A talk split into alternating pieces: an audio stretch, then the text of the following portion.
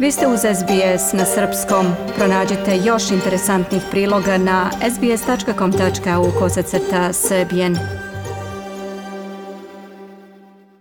Slušate SBS radio program na srpskom jeziku. Nastavljamo sa aktuelnostima iz Australije.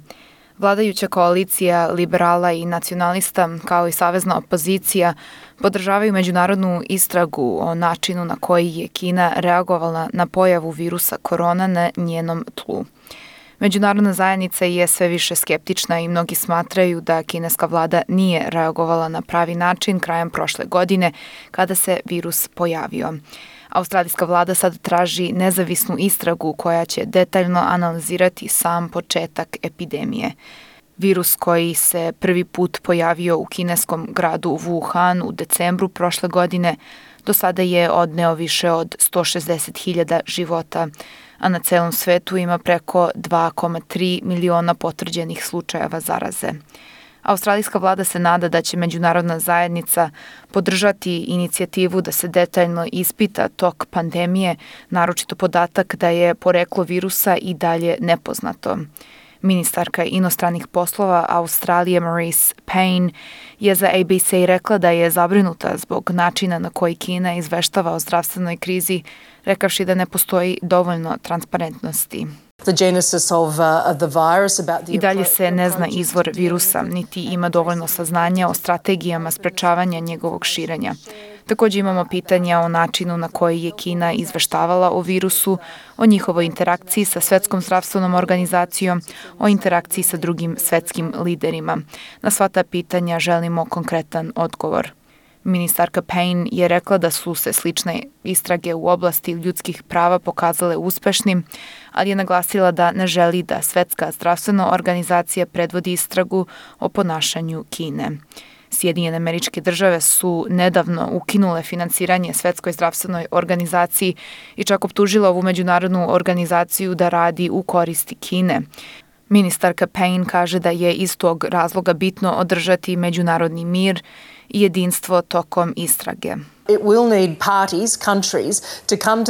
Da bi se uspešno sprovela istraga, potrebna nam je transparentnost i saradnja između političkih partija i svih zemlja. Potrebno je da istragu predvodi mehanizam kojom ceo svet veruje. Ministar zdravlja Greg Hunt podržao je ministarku Payne rekaši da dok je Svetska zdravstvena organizacija uspešno predvodila borbu protiv bolesti kao što su dečija paraliza, male boginje i malarija, njihova reakcija na COVID-19 nije bila od koristi međunarodnoj zajednici. Hunt veruje da je uspeh Australije u tome što je reagovala odvojeno od predloga Svetske zdravstvene organizacije. We do know Bili smo kritikovani od strane zvaničnika organizacije u Ženevi kada smo 1. februara zabranili putovanja između Kine i Australije. Slažem se da su uspešno predvodili borbu protiv nekih bolesti, ali u ovom slučaju Australija morala da donosi sobstvene odluke. Potparol laburista za pitanja inostranih poslova Penny Wong podržala je inicijativu i dodala da je pronalaženje izvora virusa od svetskog značaja. We welcome this idea from Senator Payne. Prihvatamo ideju senatorke Payne. Voljeli bismo da pomognemo u tome da ideja postane realnost. Nadamo se da će senatorka Payne kao vodeći australijski diplomata pokazati međunarodnoj zajednici zbog čega nam je potrebna i njihova podrška. Umeđu vremenu tenzije između Sjedinjenih američkih država i Kine nastavljaju da rastu. Kina je kritikovana od strane američke vlasti zbog izmena u bilancu preminulih od virusa i dok se u svetu veruje da je epidemija izbila sa pijace u Wuhanu, američke vlasti veruju da je virus sintetički obrađen u laboratoriji. Predsednik Sjedinjenih američkih država Donald Trump je upozorio da će biti posledica ukoliko se sazna da je kineska vlada namerno dozvolila širenje virusa. Well, if they were knowingly responsible, certainly. Ako su oni svesno krivi zbog ove pandemije, bit će posledica. Greška je greška, ali ako je ovo urađeno namerno, mi ćemo reagovati. Virološki institut Wuhana i Kinesko ministarstvo inostranih poslova su negirali optužbu da su veštački stvorili virus. Francuska vlada je podržala Kinu u tim tvrdnjama, rekavši da ne postoji dokaz da je virus napravljen u laboratoriji. Piše Jennifer Liu iz novinske službe SBS-a.